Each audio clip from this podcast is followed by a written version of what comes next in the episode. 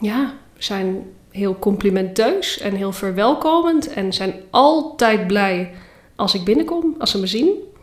En dat zou ik heel veel werknemers gunnen, dat ze op hun werk komen en dat iedereen blij is dat je er bent. Ja, ja, ja. Ik, ik hoor dat elke dag, dat ze het fijn vinden dat ik er ben. En nou, ik denk wel eens als ik de gemiddelde depripuber op de bank zie zitten, dat zou ik ze zo gunnen om eens een dagje in het verpleeghuis rond te lopen en te horen. Wat fijn dat je er bent. Leuk dat je luistert. Dit is Gesprekken, een podcast van Bidden Onderweg. Journalist Rick Timmermans gaat met zijn gasten in gesprek over christelijke spiritualiteit en over thema's die voorbij komen in de podcastmeditaties van Bidden Onderweg. Madeleine Kivits, je bent geestelijk verzorger in een eh, verpleeghuis. En je werkt eigenlijk vooral met de ja, dementerende bejaarden. Nou, ik ga meteen even een klein beetje prikkelen misschien. Want wat doet een jonge vrouw met demente bejaarden? Waarom stort je je daarop? Of, of dan moet ik zeggen, waarom vergooi je je leven tussen de muren van een, van een verpleeghuis met oude mensen die, ja, die niks meer weten? Oei, dat is meteen wel prikkelen, ja. Ehm, ja, de, het- het- ik vind het eigenlijk zo'n rare vraag dat ik er even stil van word. Want er is, het is zo ongelooflijk mooi werk. En het zijn zulke mooie mensen. Hè? Je, je hebt het over dementerende bejaarden. Eh, voor mij zijn het gewoon eh, oude mensen. ehm, en die dementie hebben. Ehm, maar dat ze dementie hebben, komt voor mij eigenlijk vrij vaak pas op spoor 2, 3, 4. Omdat je dan merkt in het contact, hé, hè, er is iets anders dan anders. Maar het zijn op de eerste plaats voor mij gewoon hele, eh, he- ehm, ja, hele wijze mensen die me veel kunnen vertellen over wat belangrijk is in het leven. Want volgens mij kom je daar pas achter als je wat ouder wordt. En ik beschouw mezelf als een bofkont, omdat ik dat alvast van hen hoor. En dan heb ik daar nu al wat aan. Want dat weten ze nog. Jazeker, ja. Hoe, hoe kom je dat op het spoor dan? Ja, dat, je, je ziet ze dat leven. Dat ze bepaalde dingen niet meer belangrijk vinden. Bepaalde dingen wel veel meer waarde aan hechten. En ja, ik vind dat, ik vind dat eh, heel inspirerend voor mijn leven nu. Gewoon als, als, als 30-jarige. En, eh, eh, kun je iets vertellen over wat je dan bij ze ziet? Nou, ik, vind het nog een beetje moeilijk voor te stellen. Ik, ik, ik begon als, als 23-jarig meisje, als geestelijk verzorger. Dus ik, ik doe dit werk inmiddels dik zeven jaar. En ik weet dat ik ontzettend aan het hannesen was. Dat vind ik zelf altijd een heel mooi woord. Eh, aan het hannesen over, ja, hoe zie ik eruit? En hoe kijkt de ander naar mij? En wat vindt hij van mij? En kan ik dit wel zeggen? En mag ik dit wel denken? Hm. dat je je heel erg verhoudt tot, tot je omgeving. Eh, misschien wel, eh, ehm, ja, in, in ieder geval niet op een manier die, waar je zelf nou zoveel blijer van wordt. Hm. En ik, ik zie bij onze bewoners, en dat heb ik toen ook echt ervaren, dat de bewoners mij heel erg aanvaarden zoals ik me aandiende, zoals ik, zoals ik was, zoals ik ben. En dat ik me door hen echt heel erg gewaardeerd heb, gevoel, heb gevoeld. En nog steeds. Veel meer nog soms ehm, ja, dan door mensen die ik zomaar tegenkom in de samenleving. We zijn soms zo hard voor elkaar. Hm. En onze bewoners ehm, ja, zijn heel complimenteus en heel verwelkomend. En zijn altijd blij als ik binnenkom, als ze me zien. En dat zou ik heel veel werknemers gunnen, dat ze op hun werk komen en dat iedereen blij is dat je er bent. Ja, ja, ja. Ik, ik hoor dat elke dag. Dat ze het fijn vinden dat ik er ben. En nou, ik denk wel eens als ik de gemiddelde depripuber op de bank zie zitten... dat zou ik ze zo gunnen om eens een dagje in het verpleeghuis rond te lopen en te horen... wat fijn dat je er bent. Dus ja, ik vind het een hele mooie omgeving Ja, om, om ja. te werken en om te zijn. En ehm, ja, ze helpen mij herinneren aan wat echt belangrijk is. Je realiseert je ook hoe, hoe, hoe vergankelijk het is. Weet je, ik... ehm, ja, ik, elke keer als ik de trap oploop van beneden naar boven, dat is een ja, best wel een wat langere trap. En naast mij gaat dan de lift omhoog en naar beneden. En dan denk ik, ik, ik kan nog, godzijdank, zelf omhoog eh, lopen. En ja, welke 30-jarige denkt nou, goddank, ik kan traplopen. ja, daar, dat- daar sta je niet bij stil. Nee, en en, niet bij en ik realiseer me dat Ja. eigenlijk bijna elke dag. Omdat je ziet, eh, ja, je- dat het niet ik- vanzelfsprekend is. Nee, ja, ja. Ja, we mogen één woord niet gebruiken volgens mij in dit gesprek. Dat is de aftakeling. Ja, wat is aftakeling? Ja? Ja. Ik, Ik- ik, dus dat je dingen niet meer kunt. ja. Of dat dat steeds moeilijker nou, dat gaat. is toch wat gezegd wordt, maar als ik jou zo een beetje proef, dat die mensen zijn, af- zijn aan het aftakelen. Ja, dat is echt een woord wat ik, wat ik nooit gebruik. Waarvan ik me wel kan voorstellen dat bewoners dat soms zelf ervaren. Hmm. Eh, wat ze ook vertellen, dat ze dat moeilijk vindt, vinden. Dat ze bepaalde dingen moeten inleveren, dat ze dat niet meer kunnen. Gewoon iets heel concreets als je rijbewijs. Ja. Dus dat, dat mensen zeggen, ik mag niet meer rijden. En ik heb mijn leven lang, eh, hè, vanaf het moment dat ik mijn rijbewijs haalde, heb ik, heb, ik, heb ik gereden. Kon ik gaan en staan waar ik wilde. En dat kan ik nu niet meer. En dat ervaar ik als een groot verlies. Ja, dat kan ik, me- dat kan ik me... eh, dat kan ik me voorstellen, dat dat, dat dat heel moeilijk is. En zo zijn er natuurlijk nog veel meer dingen waar mensen afscheid van moeten nemen.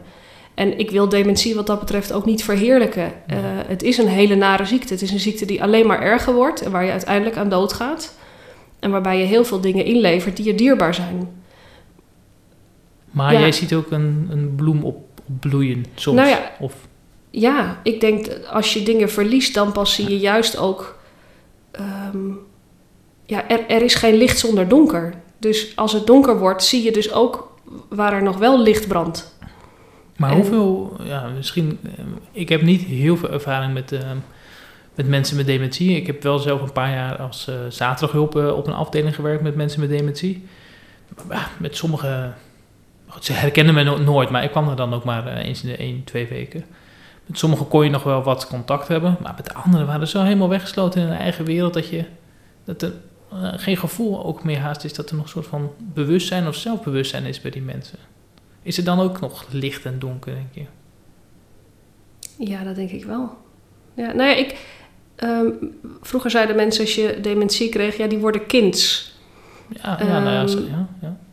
En ik, ik vind het zo bijzonder dat we, als het gaat om mensen met dementie, eh, die op hoge leeftijd zijn, dat, ze, eh, ja, dat er gesproken wordt in termen van aftakeling. Of eh, Mhm. hè, dat, dat zelfs of hun leven waardevol is of van betekenis is, dat dat zo ter discussie staat. Terwijl ik hoor die gesprekken nooit rondom baby's. Nee, met baby's kun je ook nauwelijks contact krijgen. Dat ligt in je armen. Eh, het, het, het doet verder niks. Het kan verder niks. Eh, ik weet dat je zelf vader bent. Ehm, en in, ja, ja het, het, het, het draagt verder niks bij. Je houdt er gewoon van. Mhm. En ik denk dat dat ook geldt voor mensen met dementie. Als dat je vader is of je moeder of je partner, dan hou je van iemand. Of die nu nog van economische waarde is, of, of, of dat die nog een gesprek kan voeren op de manier zoals je dat altijd gewend was. Want mensen met dementie spreken ook, zelfs als ze taal verliezen. Maar ze spreken op een andere manier. En ik ervaar het echt als, als mijn of als ons onvermogen om hun taal te leren spreken. Weet je, Mhm. naar kinderen schakelen we zo snel over. Hè, en gebruiken, ja, we allerlei, gebruiken we allebei allerlei geluidjes. Ja, je stopt met praten, je gebruikt je lichaam. Ja, en waarom, waarom, waarom lijken we dat te verliezen als het gaat om mensen met dementie? Dus er is ook heel veel non-verbaal mogelijk. En Mhm. dat heb ik echt, ja, daar hebben we veel te weinig bij stilgestaan. Bijvoorbeeld tijdens mijn opleiding, dat heb ik echt in de praktijk moeten leren. Ja. Van heel veel collega's om mij heen die daar al veel vaardiger in waren. En we zeggen zoveel met ons lijf. En, en daarmee kunnen we ook heel veel communiceren met mensen met dementie. Maar bij, de, bij het, om even bij het beeld van het kind te blijven, ja, die, die brengt de toekomst met zich mee. Dus dat is er. Het, het kan nu nog niks, maar over een maand kan het. En het wordt ook afgemeten aan. Het kan nu al een eerste stapje zetten. Het kan nu al dit, het kan nu al dat. Ja, en bij dementie gaat dat proces de andere kant op. Is- Misschien is het gewoon veel te confronterend. Ja, maar je houdt niet van het kind omdat het later een bankdirecteur zal worden. Je houdt nu van het kind omdat het is wie het is. En dus je houdt, je houdt niet van de potentie. Natuurlijk is het zo dat een kind nog veel potentie heeft. Aan de andere kant, ehm, ja, onze bewoners. veel mensen hebben de oorlog meegemaakt, hebben in ieder geval dit land opgebouwd toen het helemaal in puin lag. Dankzij deze bewoners heb ik kunnen studeren. Dankzij deze bewoners hebben wij de gezondheidszorg zoals we die nu hebben. Hebben wij de welvaart die we nu hebben. Dan denk ik, we hebben veel meer om deze ouderen dankbaar voor te zijn dan een kind dat net komt kijken. Die moet het allemaal nog maar waarmaken. Ja, ja, ja. Eh, een beetje schetsend gezegd, hè? maar je zet het zelf zo tegenover elkaar. Dan denk ik, ja, ik heb, ik heb zoveel om dankbaar te zijn. eh, ja, Maar toch hou je niet van zo'n van zo'n bejaarde eh, oude vrouw of man omdat hij iets gedaan heeft, maar gewoon omdat hij daar zit en je ontmoet hem. ja, maar ik realiseer me ook wel heel veel dat ik, dat ik, dat ik echt veel aan ze te danken heb. Dus bijvoorbeeld met bevrijdingsdag heb ik, geef ik in de, eh, wij staan daar in een viering ook bij stil bij bevrijdingsdag en bij de bevrijding. En ik geef ze ook altijd een, een witte bloem, alle bewoners, één voor één, die naar de viering komen, om ze te bedanken voor wat ze, voor wat ze gedaan hebben. En, om te en, en dat een soort wens van, ik, ik hoop dat je die vrede nog altijd zult vinden. Ook met wat er is. Ehm, ja, want dementie is natuurlijk, is natuurlijk ook gewoon een hele nare ziekte voor mensen zelf. Hè? Eh, dat wil ik zeker niet onder het tapijt vegen. Maar er is ook nog zoveel wel. En ja, misschien is mijn, eh, mijn manier van spreken een soort tegenbeweging. Omdat ik merk dat er in de samenleving zo vaak in andere bewoordingen over mensen met dementie gesproken wordt. Dat ik denk, ja, ik ga dan ja, een so- een soort tegenreactie, Ja, zeg ja, maar. ja, maar, maar je, het was wel, je verbazing aan het begin van het gesprek was wel heel oprecht. Toen ik zei, van, hoezo ga je nou weer als jonge vrouw Ja, je leven wijden aan, eh, aan de geestelijke gezondheid van mensen die met één been in het graf staan. Om het even zo te zeggen. Dus die, die stervende zijn. Of tenminste, het kan natuurlijk vaak nog wel een paar jaar duren, maar het is, Ja. wel, het is wel voorbij. Ja, omdat ik denk dat de beschaving van een samenleving zich laat afmeten aan hoe je omgaat met mensen die niet voor zichzelf kunnen zorgen. En die hebben we in alle leeftijdscategorieën. Dus dat zijn niet per se ouderen. Eh, dat kunnen ook, eh, er zijn heel veel meer mensen die niet voor zichzelf kunnen zorgen. En eh, dat is denk ik beschaving, dat je je om elkaar bekommert. Kun jij eens vert- vertellen hoe je erbij bent gekomen om eh, dit vak eh, in te gaan? Ehm, ik was docent geschiedenis. Ik heb geschiedenis gestudeerd eerst. Hm? En voor de klas gestaan. En eh, ehm, ik kan me echt een moment herinneren dat ik een, een groep leerlingen voor me had, drie HAVO. Waarvan er geloof ik echt twaalf zittenblijvers zaten. Dus die hadden allemaal zoiets van, ja, ik heb dit allemaal al gehoord. Hou op met je, met je verhaal. Vooral met die geschiedenis. Hou op met die geschiedenis. Eh, wat ik me ook best wel goed kon, eh, kon voorstellen. Ehm, en ja, ik dacht, ik ben hier. Ze, ze willen eigenlijk. Dus het ongemotiveerde, dat hielp mij niet. Dat inspireerde mij niet, laat ik het zo zeggen. En natuurlijk eh, eh, moet een leraar de kunst eh, verstaan om ook mensen die niet geïnteresseerd zijn, geïnteresseerd te krijgen. Maar Mhm. ga er maar aan staan. Ik maak een diepe buiging voor mensen in het onderwijs. Maar ik dacht ook bij die kinderen van er is. Ehm, er speelt zich zoveel in jullie kopie af. Eh, jullie zijn zo bezig met wie ben ik nu ten opzichte van de ander en waar wil ik naartoe met mijn leven en nou ja, met dat soort levensvragen. Mhm. En toen dacht ik, ja, daar kom ik helemaal niet aan toe als docent geschiedenis. Terwijl dat wel ergens kennelijk impliciet mijn idee was van naar in het onderwijs gaan. Daar wilde je eigenlijk iets Daar wilde ik wat mee maken. doen. En toen dacht ik, eh, ik ga eens op zoek naar waar ik dat dan wel zou kunnen. Hè, wa- wat voor een soort master zou ik kunnen gaan doen na mijn bachelor. En toen kwam ik erachter dat er zoiets bestond als geestelijke verzorging. Ik had er nog nooit eigenlijk van gehoord. Ehm, ik ben daarop gaan googlen en toen dacht ik, ja, dit is het. En ben overgestapt van, eh, van geschiedenis naar geestelijke verzorging. En eh, ik kwam er ook achter dat ouderen mij veel meer liggen dan jongeren. Ik word echt zo moe van al die pubers. Ja, jij verbaast je over liefde voor ouderen. Ik verbaas mij over liefde voor kinderen en, voor, en met name voor pubers. Oh ja. Die, echt, die zuigen mij helemaal leeg aan energie. En ja, dat heb ik met onze bewoners helemaal niet. Die brengen mij zoveel meer dan al die opgeschoten pubers. Dus ik heb ook het gevoel dat ik veel meer tot mijn recht kom in, Ja. deze, in deze setting. Ja. Ja. En zo, is de, zo heb ik die overstap gemaakt. Ja. En als je nu, wat, kun je nou ook schetsen, hoe, hoe ziet een werkdag voor jou eruit? Want je bent geestelijk verzorger. Wat, wat, wat doe je met de, met de bewoners waar je mee in contact bent? Ehm, ja, ik heb dus inderdaad heel veel contact op een dag met mensen. En ik denk bijzonder binnen de zorg eh, van het vak van de geestelijk verzorger... is dat ik er enerzijds ben voor de bewoners, maar ook voor hun familie, voor hun naasten. En dat Hm. geldt niet voor alle andere behandelaren in het, ziek, in, de, in het verpleeghuis. Hm.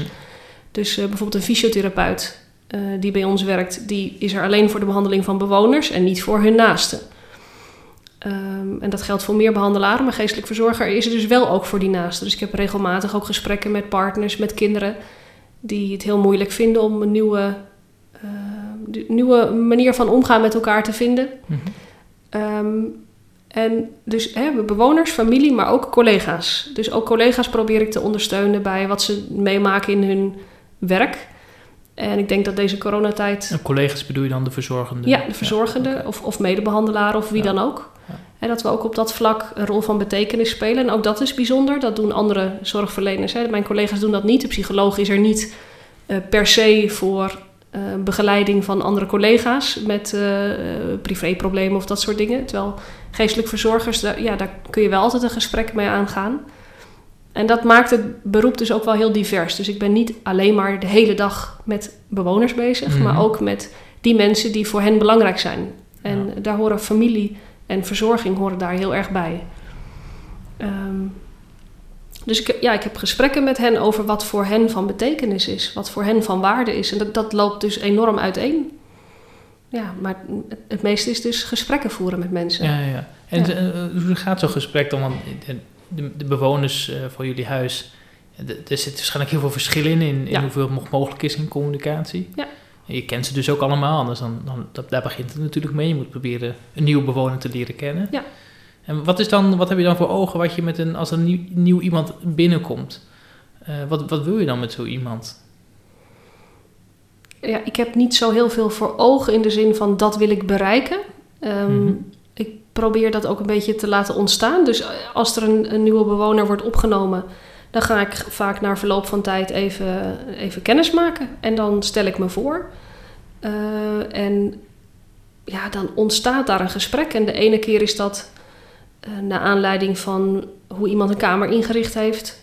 Eh, de andere keer is dat naar aanleiding van ja, wat ik iemand zie doen op het moment dat ik binnenkom. Ehm, soms zoekt iemand al contact met mij voordat ik dat andersom eh, eh, heb kunnen doen. Dus eh, ja, vorige week ging ik aan tafel zitten bij een meneer die ik wilde bezoeken. En toen kwam er iemand tegenover mij zitten. Die kwam ontbijten, die had wat uitgeslapen. Die kwam nog een boterhammetje eten. Die begon tegen mij te praten. En toen zei ik, goh, wij kennen elkaar nog niet.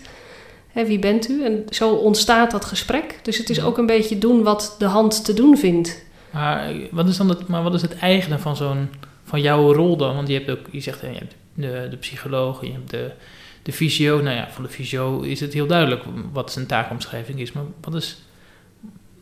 Het Nou, is dat niet- kan ook nog heel divers zijn hoor, bij een fysiotherapeut. Ja, oké, maar, maar bij jou is het, Ja. ja. ja, je zegt een gesprekje met iemand aanknopen en dan, maar wil je iets met dat gesprek? Of is de bedoeling dat er iets gebeurt tussen jou en zo'n bewoner? Of, of, want het, ja, het moet niet alleen maar gaan over gewoon een gezellig gesprekje, of, of is dat ook wel genoeg?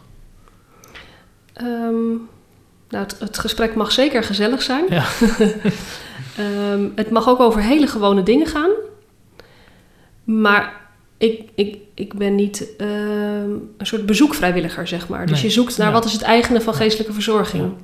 En daarvan zou ik zeggen dat, ehm, dat een geestelijk verzorger op zoek is naar of je in iemand iets kan aanwakkeren. Ja, wij zeggen dan veerkracht. Of je iemands veerkracht eh, naar boven kunt halen. Of je, of je op zoek kunt gaan naar wat voor iemand van betekenis is. Dus als ik iemand ontmoet, dan ben ik op zoek naar wie ben jij en wat is voor jou belangrijk. En dat, dan luister je op een andere manier. Dat, je probeert dat als het ware tevoorschijn te luisteren. Mhm. En dat is een andere manier van luisteren. Dus ja, je gaat op zoek naar wat is voor jou van waarde. En eh, ja, wat, wat, wat gebeurt er nu in je leven? Wat, wat, wat houdt je bezig? En dat lijkt voor de hand liggend, maar dat is het niet altijd. Soms zijn mensen met totaal andere dingen bezig dan ik dacht eh, hè, toen ik binnenkwam. Dus op het moment dat je binnenkomt bij iemand die net nieuw is opgenomen, dan denk je, nou ja, die mevrouw is ontzettend bezig met. Nu zit ik hier in een verpleeghuis, dat had ik niet verwacht. Eh, en soms blijkt het iets heel anders te zijn waar mensen op dat moment mee bezig zijn. Dus ik, ik laat me wat dat betreft ook wel een beetje verrassen. Ik kom, denk ik, met een tamelijk lege agenda binnen. Mhm. Hè? En als een fysiotherapeut, dus die meneer die ik dan eh, ontmoette vorige week aan de ontbijttafel. eh, een half uurtje later kwam de fysiotherapeut binnen. En die kwam binnen en die zei, stelde, ze stelde zich voor. En toen zei ze, ik kom vandaag even kijken hoe het gaat met lopen. Hè? En zij moet dan een soort risicoanalyse maken of Mhm. hoe valgevaarlijk iemand is. Dus Ja. zij komt met een agenda. Mhm. Ze komt met een plan. Mhm. En ehm, dat is heel goed. Mhm. Want als iedereen een soort van doelloos rondloopt in huis, dan... Ja, maar je loopt niet doelloos rond. Nee, ik loop niet doelloos rond. Maar ik probeer wel... ehm, ja, ik probeer toch ook tegelijkertijd wel zo, zo doelloos mogelijk te zijn... zodat ik ook tussendoor mijn ogen open hou.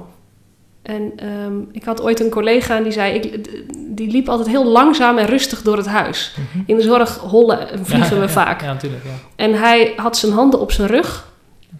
Als een schoolmeester. Eh, eh, ja, zoiets. Of als een oude wijze man. Hm. En hij liep heel rustig door het huis. En toen dacht ik altijd, goh, zou dat de collega's nou niet irriteren... dat hij altijd zo rustig rondloopt? Het, het heeft ook een soort... eh, ja, het ademt ook van, ik heb de tijd. Mhm. Ehm, en ik, ik hoorde terug van collega's in de zorg, van verzorgende verpleegkundigen, dat ze zeiden: ja, maar het helpt ons ook wel herinneren, doe nou eens rustig. Voor patiënten, voor cliënten, voor bewoners is het helemaal niet fijn dat iedereen om hen heen holt. Nee. Eh, zeker in de ouderenzorg. Ouderen leven gewoon in een andere versnelling. Ja. En een versnelling die denk ik eh, veel eh, jongeren heel erg goed zou doen. Volgens mij zijn we allemaal een beetje gedwongen in een andere versnelling dit jaar. Hm. En daar kun je ook de vruchten van plukken. Dus dat, dat rustig rondlopen en kijken wat er te doen is. Kijk, als ik met een briefje in mijn zak op zoek ga naar meneer Jansen, want ik moet eh, dit en dit van hem hebben, dan valt het mij niet op dat ik bij de deur ehm, iemand. Dat er iemand in een hoekje zat bij de deur die misschien wel op punt van, eh, eh, ja, op punt van huilen stond. Mhm. Ehm, ik wil dat tussendoor, dat, dat dat me opvalt. En dat Ja. ik blijf zien wat er gebeurt. Mhm. En dat ik me niet te veel laat leiden door... ik heb om 11 uur een afspraak met die of die. Ehm, dus dat je op een bepaalde manier aanwezig bent. En eh, ja, Andries Baart noemt dat dan present zijn. Er echt zijn, aanspreekbaar zijn. Dat mensen ook het gevoel hebben... ik, ik kan tegen jou zeggen... ehm, dit houdt me bezig op dit moment. En dat je niet al met je voeten naar de deur staat... naar een volgende afspraak. Dus je moet ook een bepaalde ontspannenheid hebben, denk ik, in de manier waarop je rondloopt, in de manier waarop je luistert. Die mensen aanzet om te vertellen wat ze op hun hart Ja, hebben. Ja, ga vertel maar gewoon. Ja, ja, en als ik-. Ja, als ik in een sfeer van afspraak op afspraak bij mensen binnenkom en iets van ze moet, dat werkt niet. En dat werkt al helemaal niet bij mensen met dementie. Ja. En, en merk je ook dat het... eh, Ja, je kunt niet zo goed verschil aantonen waarschijnlijk, omdat je gewoon altijd probeert die modus te behouden. Maar ik kan me voorstellen dat je soms niet helemaal met je gedachten erbij bent. Merkt het dan, merk je dan een verschil als je er echt probeert te zijn voor die mensen? en Dat, er dan Ja. ook een ander, dat je dan ook met hen meer in de diepte in kunt gaan? Absoluut. Absoluut, ja. Du- Dus ik vertel dit heel mooi, maar dit lukt me natuurlijk zeker niet altijd. Nee, nee, dat En aan het einde wel. van de dag is dit Ja. nog moeilijker. Ja. Als je een hele dag gesprekken hebt gevoerd Oh, met mensen. Ehm, dus ja, de ene dag lukt me dat beter dan de andere keer. Maar het gesprek loopt gewoon veel moeilijker ehm, al- als, je, als, je, als dat je niet lukt. Ja. Maar jij wordt niet tegengehouden door een soort van idee, hè, of misschien wel, dat weet ik niet. Maar ik kan mij voorstellen dat als je met iemand met dementie probeert te spreken over de wat diepere dingen, dat je denkt, ja, waar moet ik dit toch vragen? Misschien weet ze er geen antwoord op. eh. ja, dus je moet op een hele basale manier proberen te komen tot eh, diepgang. Dus je Hm. moet hele eenvoudige woorden gebruiken, hele eenvoudige zinnen gebruiken. Ik denk overigens dat het überhaupt heel veel beter is. Maar wat, wat, wat Minder hoogdrijvende- Wat, wat zijn het dan voor dingen die je dan vraagt? Nou, bijvoorbeeld eh, als mensen vertellen over moeilijke fases in hun leven, vraag ik eh, aan wie of wat ze houvast hebben gehad. Dus vragen naar, ja, naar bronnen van kracht. Daarmee spreek je iemands eigen kopingsvaardigheden, iemands eigen veerkracht aan. En als ik hoor wat voor iemand destijds een bron van kracht was of eh, een bron van steun was, dan, dan heb ik daar misschien nu ook wat aan op het moment dat het leven moeilijker wordt. Dus dat soort informatie probeer ik dan op te halen. En ik denk dat als mensen daarover praten, dat je ook iets in ze wakker maakt Hm? waar ze ook hier en nu wat aan kunnen hebben. Dus je kunt natuurlijk, hè, als mensen vertellen over eh, verdrietige dingen in hun leven, kun je natuurlijk doorgaan op, daar, op dat verdriet. Maar je kunt ook vragen naar, ja, waar, wa- waar, waar had je houvast aan? Hè? En hoe heb, je, hoe heb je dat toch volgehouden? En dan boor je iets anders bij mensen aan. Ik denk dat het overigens ook heel Ignatiaans is om dat eh, op deze manier te doen. Ja, dus maar- vragen naar het licht. Ah, ja. Hè, waar glinstert het? Mhm. eh, eh, zouden ze zeggen. Ehm, dus ik, ja, ik denk, denk dat dat een hele helpende manier is. En dat gebruik ik als, als geestelijk verzorger. Ja. En het is gewoon om iets in ze wakker te maken, dat is voor jou dan op dat moment al genoeg. Want je kunt niet met die mensen een soort, of misschien wel, dat weet ik niet. Of je ook rapporteert, rapporteer je over gesprekken Ja. die je voert. Ja. En schrijf dan ook in de kant even van, nou, volgende keer nog eens daarover hebben. Of, Nee, nee want dan, dan zou ik weer de agenda bepalen. Dus ik, ik neem me eigenlijk nooit voor, vandaag ga ik het hierover hebben. En het aardige is ook dat als ik dat toch een soort van in mijn hoofd heb, dat mensen toch weer een hele andere kant op gaan. Nou ja. Dus je moet je ook wel echt overgeven aan wat er in dat gesprek ter sprake komt. Eh, maar ik rapporteer aan het einde van zo'n gesprek wel. Dat doe ik helemaal aan het einde van de dag. Omdat ik het ook belangrijk vind om met andere disciplines eh, samen te werken. Ja.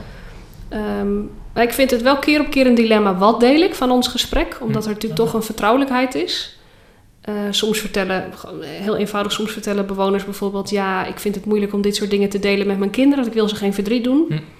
Ehm. Op het moment dat ik dat ga zitten rapporteren, lezen kinderen de dat toch. dat toch. Dat vind ik keer op keer een dilemma. En daar waar het kan, vraag ik ook aan bewoners of ze het goed vinden dat ik iets van ons gesprek deel in een, in een zorgdossier. Maar voor heel veel mensen is dat natuurlijk eigenlijk al een brug te ver en kan ik ze dat niet meer vragen. En zal ik daarin mijn eigen geweten moeten toetsen van, ja, wat deel ik hiervan? En, en vaak deel ik dan bijvoorbeeld thema's. Hè? Dus we hebben het gehad over eenzaamheid of we hebben het gehad over verlieservaringen. Zonder dat ik helemaal uit de doeken ga doen hoe iemand dat beleefd heeft. Want dat vind ik behoren tot de vertrouwelijkheid ja. van ons gesprek. Ja. En dat mogen mensen ook wel verwachten. Ja, natuurlijk. Ja. Ja. Dus zo pak ik dat dan aan. Ja, maar het is je eigen nieuwsgierigheid en ook je eigen liefde wel, merk ik, voor die mensen. Dat, je, dat is echt de drijfveer om met ze in gesprek te gaan. Ja, ik, ja. Ja. Hey, en wat zouden wij nou... eh, eh, de meeste luisteraars komen, nou ja, misschien wel niet zo vaak in een verpleeghuis, maar sommigen waarschijnlijk ook wel, omdat hun ouders daar wonen of, of andere familieleden. Ehm, wat kunnen wij van, van jou leren in een omgang met, eh, met deze mensen? nou ja, misschien goed om te zeggen dat 70% van de mensen met dementie woont gewoon thuis. Ja, 70 procent. 70%. Dus we denken altijd dat mensen met dementie allemaal in een verpleeghuis zitten en niks meer kunnen. Thuis. Het begint natuurlijk thuis. Maar het begint thuis. En, en dus de overgrote meerderheid woont gewoon thuis. Het zijn mensen die je tegenkomt terwijl je in de rij staat in de supermarkt. Dat kunnen gewoon mensen met dementie zijn. Ja. Hoe zie je dat? Zie, zie je Nee, dat zie je niet. Nee. Nee. Ik weet dat er heel veel gemeentes bezig zijn met dementievriendelijke gemeenten. Dat, ze, Ja. dat er meer bekendheid wordt gegeven aan Ja, wat dat dementie is. televisiespotjes heb ik wel eens gezien. Ja, Ja. ja. Nou, ik denk dat het heel goed is. Dat we daar heel veel van, eh, van kunnen leren. Ehm, nou, kijk, ik heb natuurlijk ergens makkelijk praten. Op het moment dat, op het moment dat mensen bij mij binnenkomen... eh, dan leer ik iemand kennen zoals die nu is. En dan is er vaak, hebben ze al een hele weg afgelegd met elkaar. Dan is er al... eh, ja, is er ook al een hoop verloren gegaan. En ik maak dan kennis met deze mens zoals die nu is. En ook bij ons in het verpleeghuis zie ik dan nog veel achteruitgang hoor. Dus, eh, maar familie legt natuurlijk hoe iemand nu is naast wie die was. Mhm. En dat verschil is soms heel groot. Ja. En die familie, die, die rouwt daar al om. Dat is natuurlijk al, ja, dat is extra moeilijk. En dat het mij dus veel makkelijker lukt om ja, deze mens nu te nemen zoals die is, dat is alleen maar omdat ik het verlies niet ken. Nee. Ehm, Je hebt ook niet die emotionele band natuurlijk. Nee, alhoewel die wel ontstaat. Ja, ja maar toch anders dan Eh, wanneer maar heel anders dan wanneer het je moeder is. Ja. Ja, uiteraard, uiteraard.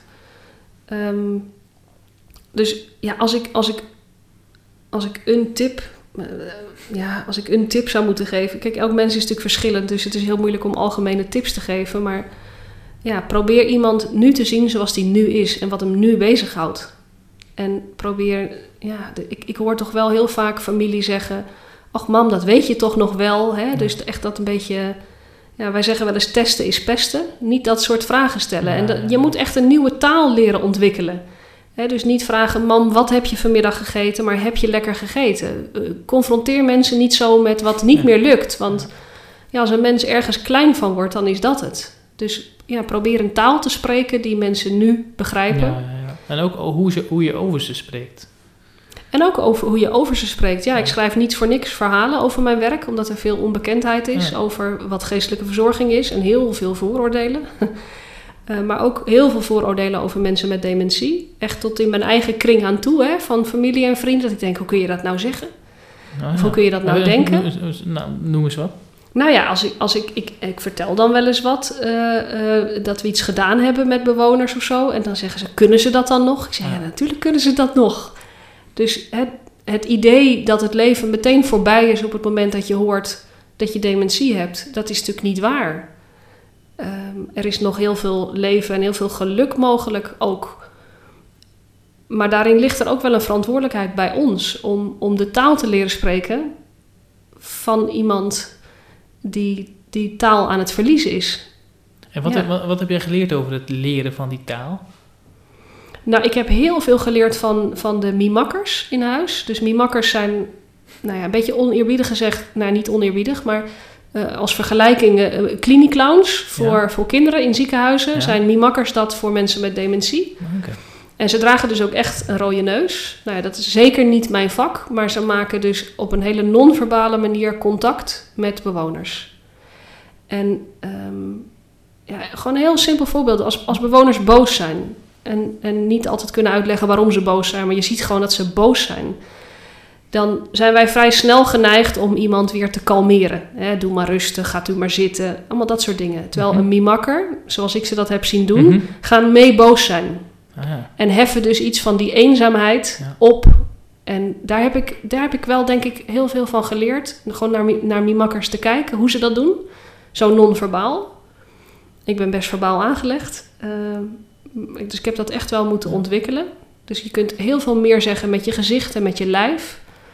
En ja, aanvaardt iemand nou ook eens zoals die zich op dat moment voelt. En, en ja, ik, denk, als je zou turven op een dag dat er tegen deze mensen gezegd wordt: gaat u maar zitten, doe maar rustig. Dan denk ik, ik zou er helemaal gek van worden. Ja.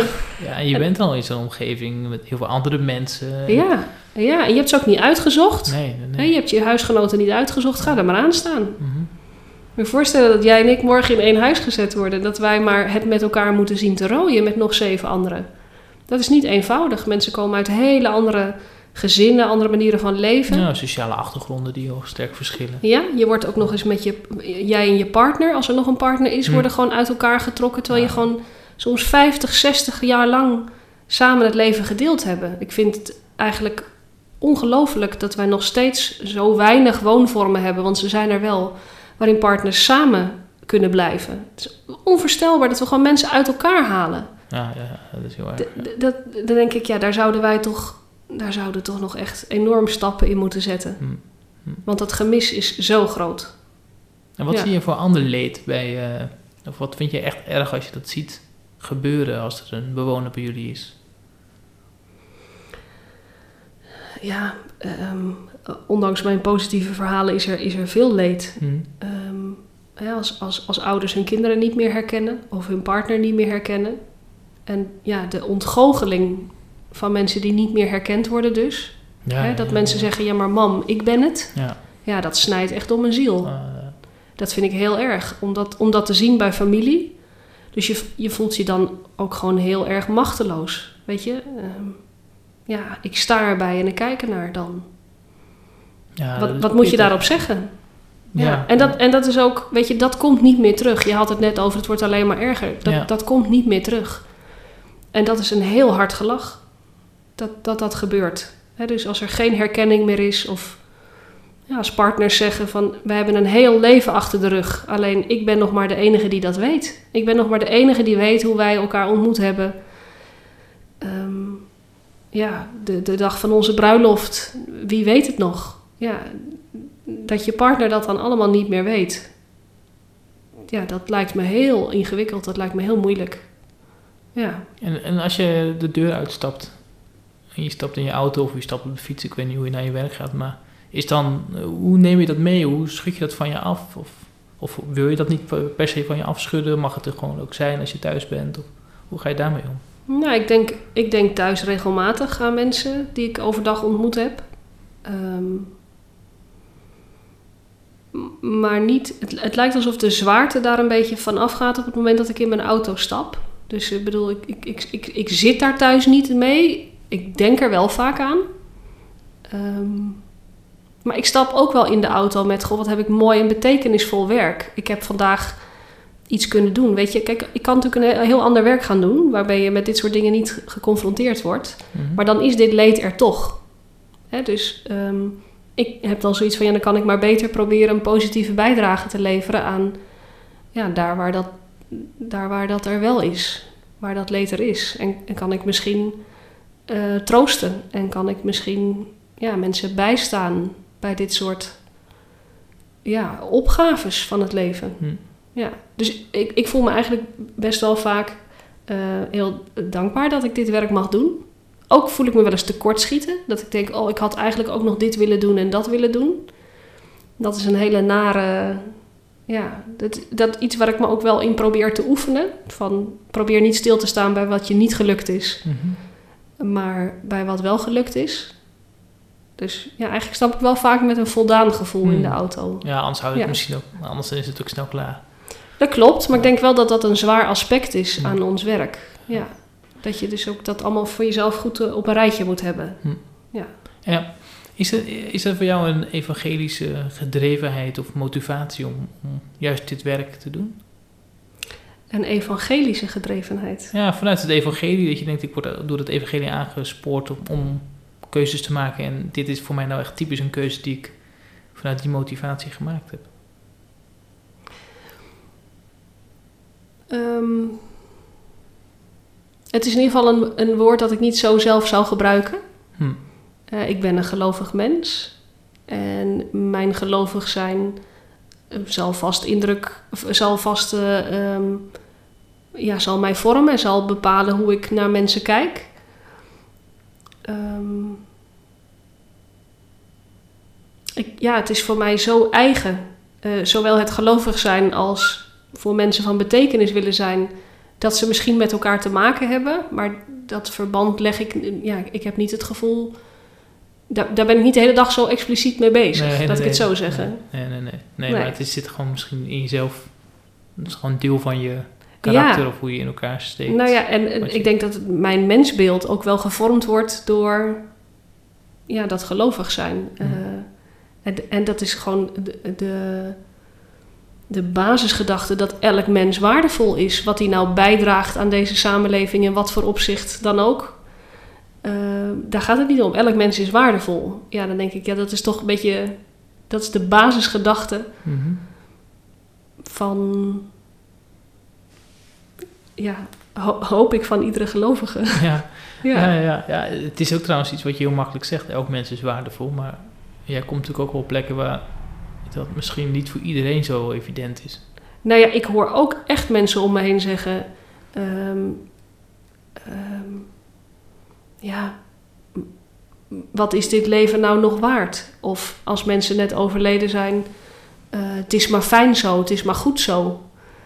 Hè? Dus ehm, snap je dat niet? Want er is ook heel veel eh, lijden voor zo'n, voor zo'n mens.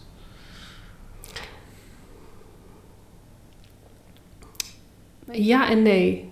Soms zie ik ook mensen... Soms zie ik de omgeving nog meer lijden aan de Mhm. dementie dan Mhm.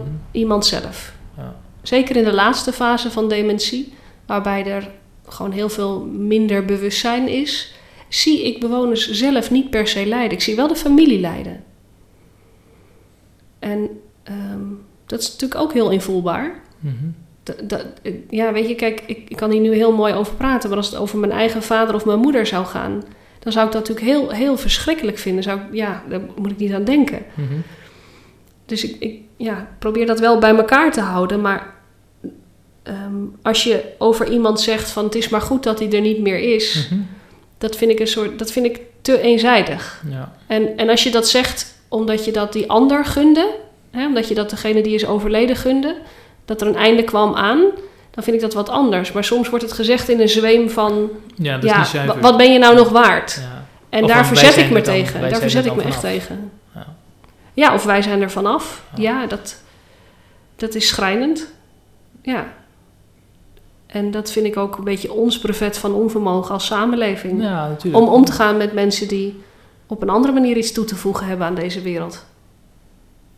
Ja, Ja. want ze halen je wel uit je balans of uit je ritme. Als je iemand ziet die, wat wij allemaal zo belangrijk vinden, eh, dingen weten, eh, goed gesprek kunnen voeren met elkaar. Nou, als, dat allemaal niet meer, als dat er allemaal niet meer is, dan ja, dat stelt toch wel diepe vragen aan. Wat is dan eigenlijk precies een mens? En wat maakt de mens waardevol? Ja. ja, daarvan zou ik dus zeggen, daar hoef je niks voor te kunnen. Je bent een mens en, Ja. en je bent als mens waardevol. Ook als je niks meer kan. Ja. Ja. En een ander aspect waar ik nog een beetje over wil hebben. ehm, we zitten hier in Megen. Dus dat ehm, het ligt ergens midden Nederland, aan de rivier. En er staan twee kloosters in, deze, in dit dorp. Of doe ik het te kort als ik het een dorp noem? Het is een stad. Ho, ho, kijk, ho. Ja, het heeft dat, stadsrechten. dat ligt gevoelig, dat snap ik. Ehm, maar er staat hier een, jouw tuin grenst, dat heb ik net gezien, aan Ja. de kloostertuin van de Franciscanen, van de broeders. Ja. Ehm, dat is niet helemaal toevallig. Ja, wat is toeval, hè? Ja, ja, precies. nou ja, dat is er misschien aan grens is, is nog misschien toeval, maar... eh, Vertel eens even, want is, jij hebt een hele geschiedenis met die eh, Franciscanen. ja, ik heb wel een geschiedenis. Nou ja, het is niet alleen een geschiedenis, het is gelukkig ook een hele. ja. ja. ja, oké. Nee, ik, ik voel me bijzonder thuis binnen de Franciscaanse spiritualiteit. Eh, bij de Franciscanen, ook de, bij de broederschap. Mhm. En ehm, ik kom daar al heel lang. Ik ben daar ooit als meisje van 15 eh, met mijn middelbare school voor het eerst naartoe gegaan, naar het klooster. Ja, jij komt niet van, eh, uit deze buurt, hè? Nee, nee, nee, nee. Nee, ik zat in Uithoren op school. En eh we gingen met het Alquin College eh, ja, twee dagen naar de broeders. En eh, ik wilde daar wel mee. En toen ik daar binnenkwam dacht ik... Wat een bijzondere mensen. En wat een, wat een, dit lijkt wel een totaal andere wereld.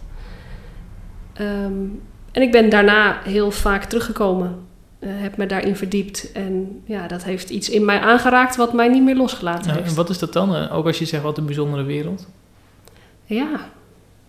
Ik, ik, ik vond het, de, de gesprekken die we daar hadden, ook als leerlingen onder elkaar, die waren anders dan die gesprekken hadden we niet met elkaar op school. Die gingen over.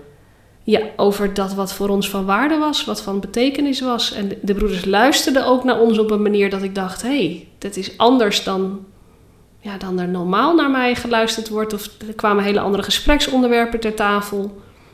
Ehm, ja, dat heeft echt eh, grote indruk gemaakt op mij toen.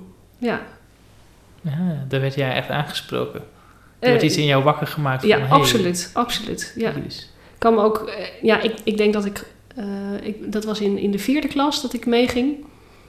En in de vijfde klas eh, was er een plekje over. En toen heb ik gezegd, ja, ik wil echt zo graag mee. En in dat, in dat jaar dat ertussen lag, is er geen dag voorbij gegaan dat ik niet even aan Megen gedacht heb. En Ja. aan de broeders. Dat, dat is bijna, ja, is heel, eh, heel, eh, Ja, bijzonder. Heel- heel en kon je, daar, kon je daar met je, met je vriendin over praten? Of? nee, totaal niet. die, hadden, nee. die werden niet zo aangeraakt als jij. nee, het was heel raar. Nee. Met wat voor gedachten dacht je dan terug aan het klooster? Ja, gewoon daar wil ik zijn. Ja, Ja, ik vond het echt een hele bijzondere plek. Daar wil ik wel weer, wilde ik weer naartoe. En in de vijfde ging ik weer mee. En in de zesde was er weer een plekje vrij.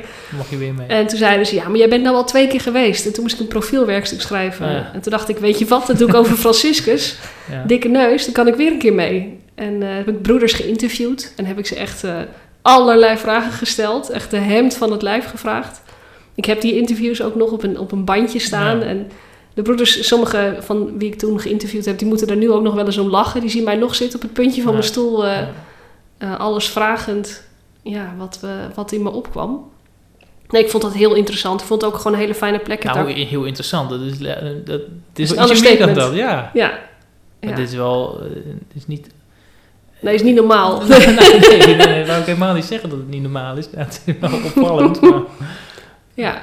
Ja, Nee, ik ben er echt dus jarenlang daarna eh, blijven komen. ja. En de- ja, dat werd natuurlijk steeds veel meer een onderdeel van mij. Ik vond het in het begin best moeilijk om het erover te hebben, want het is echt niet cool. Het is echt niet cool. Nee.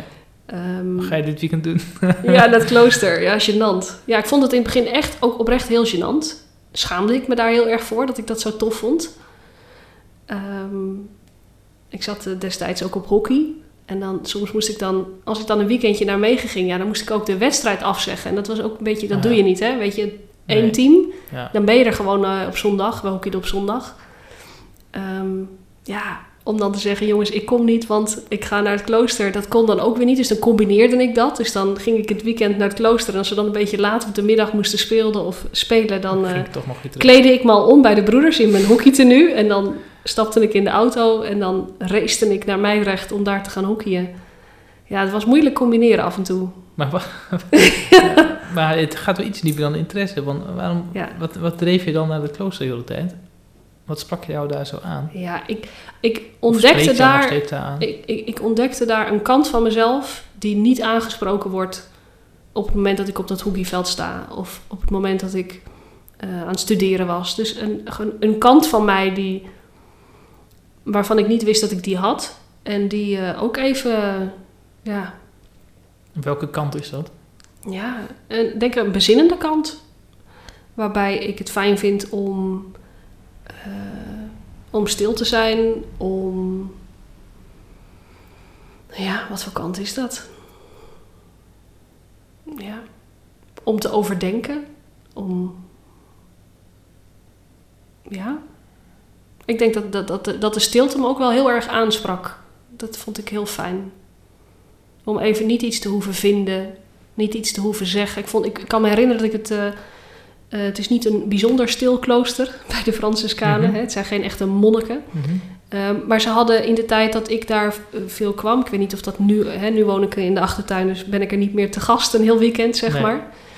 Dus of ze dat nu nog hebben, weet ik niet. Maar eh, ze, om, ze ontbijten daar dan in stilte. En dat vond ik zo fijn. Dat ik denk, al dat, al dat geklets ochtends aan die ontbijttafel... laat me even wakker worden. Ehm, laat me gewoon even... Ja, laat me even gewoon... Dat ik op een, op een bijzondere manier bij mezelf kon zijn, Ja, zeg maar. Ja, je wordt... Als je op het hockeyveld staat... of word je zo soms uit jezelf gehaald. Je moet, en dat is ook goed, hè? Je moet... eh, je moet eh, contact hebben met mensen om je heen. Maar het is soms ook heel fijn om even gewoon op jezelf te zijn. Even die afzondering, die Ja, eenzaamheid. en ik denk dat heel veel mensen dat gewoon ervaren in het dagelijks leven. Hè? Als je even je hond gaat uitlaten. Mhm.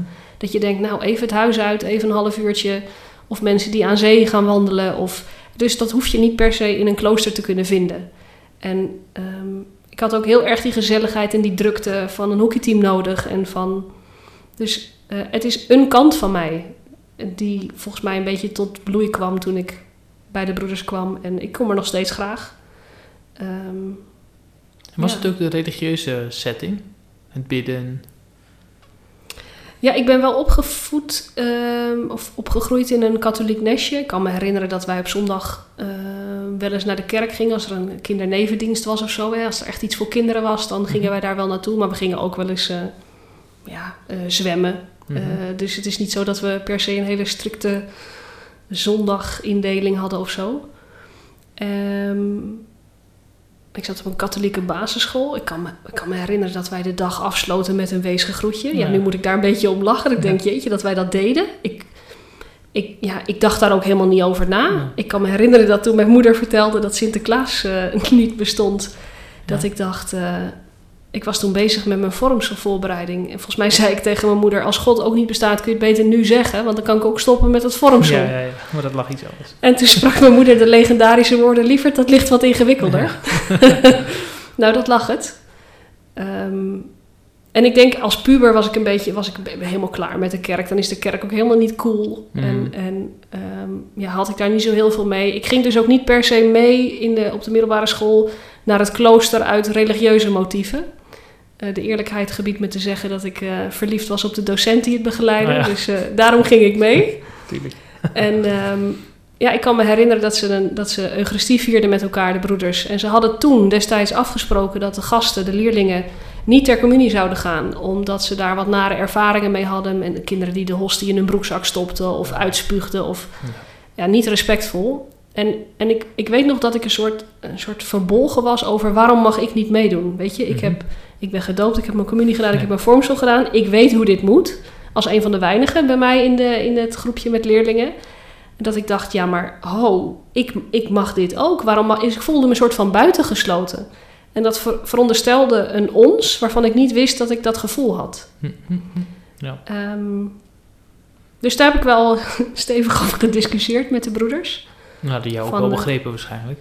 Nou, de, die snapte dat wel. Ja. En, en, eh, maar dat was voor mij wel een ontdekking. Dat ik dacht, hé, hey, kennelijk, Hey, kennelijk heb ik toch iets Ja. eh, met wat hier gebeurt. En voel ik, voel ik daar toch een soort van, ja, een soort thuis.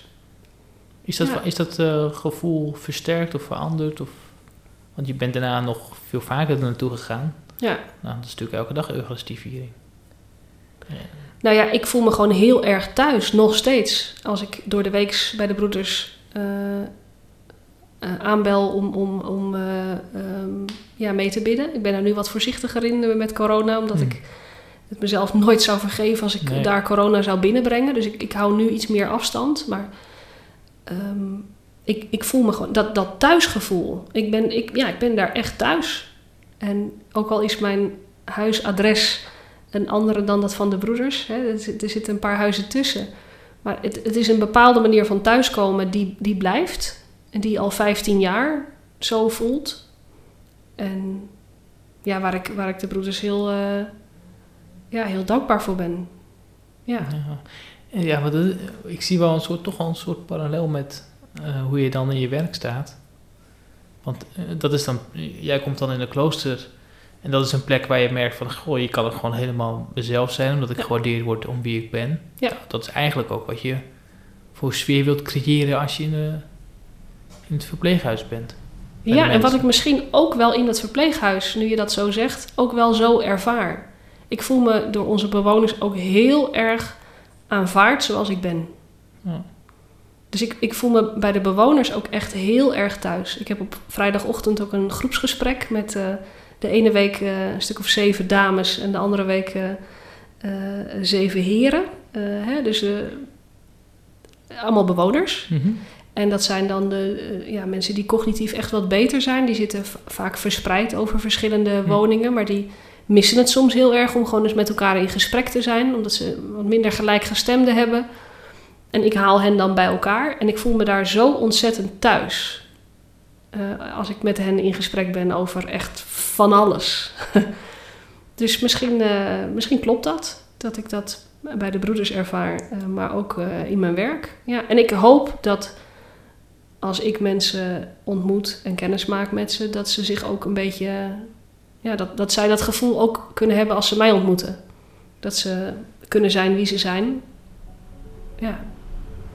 En als mijn begeleiding eraan bijdraagt dat mensen zich meer thuis voelen bij zichzelf, ja, dan eh, ben ik een heel tevreden mens. Ja. Ja, mooi.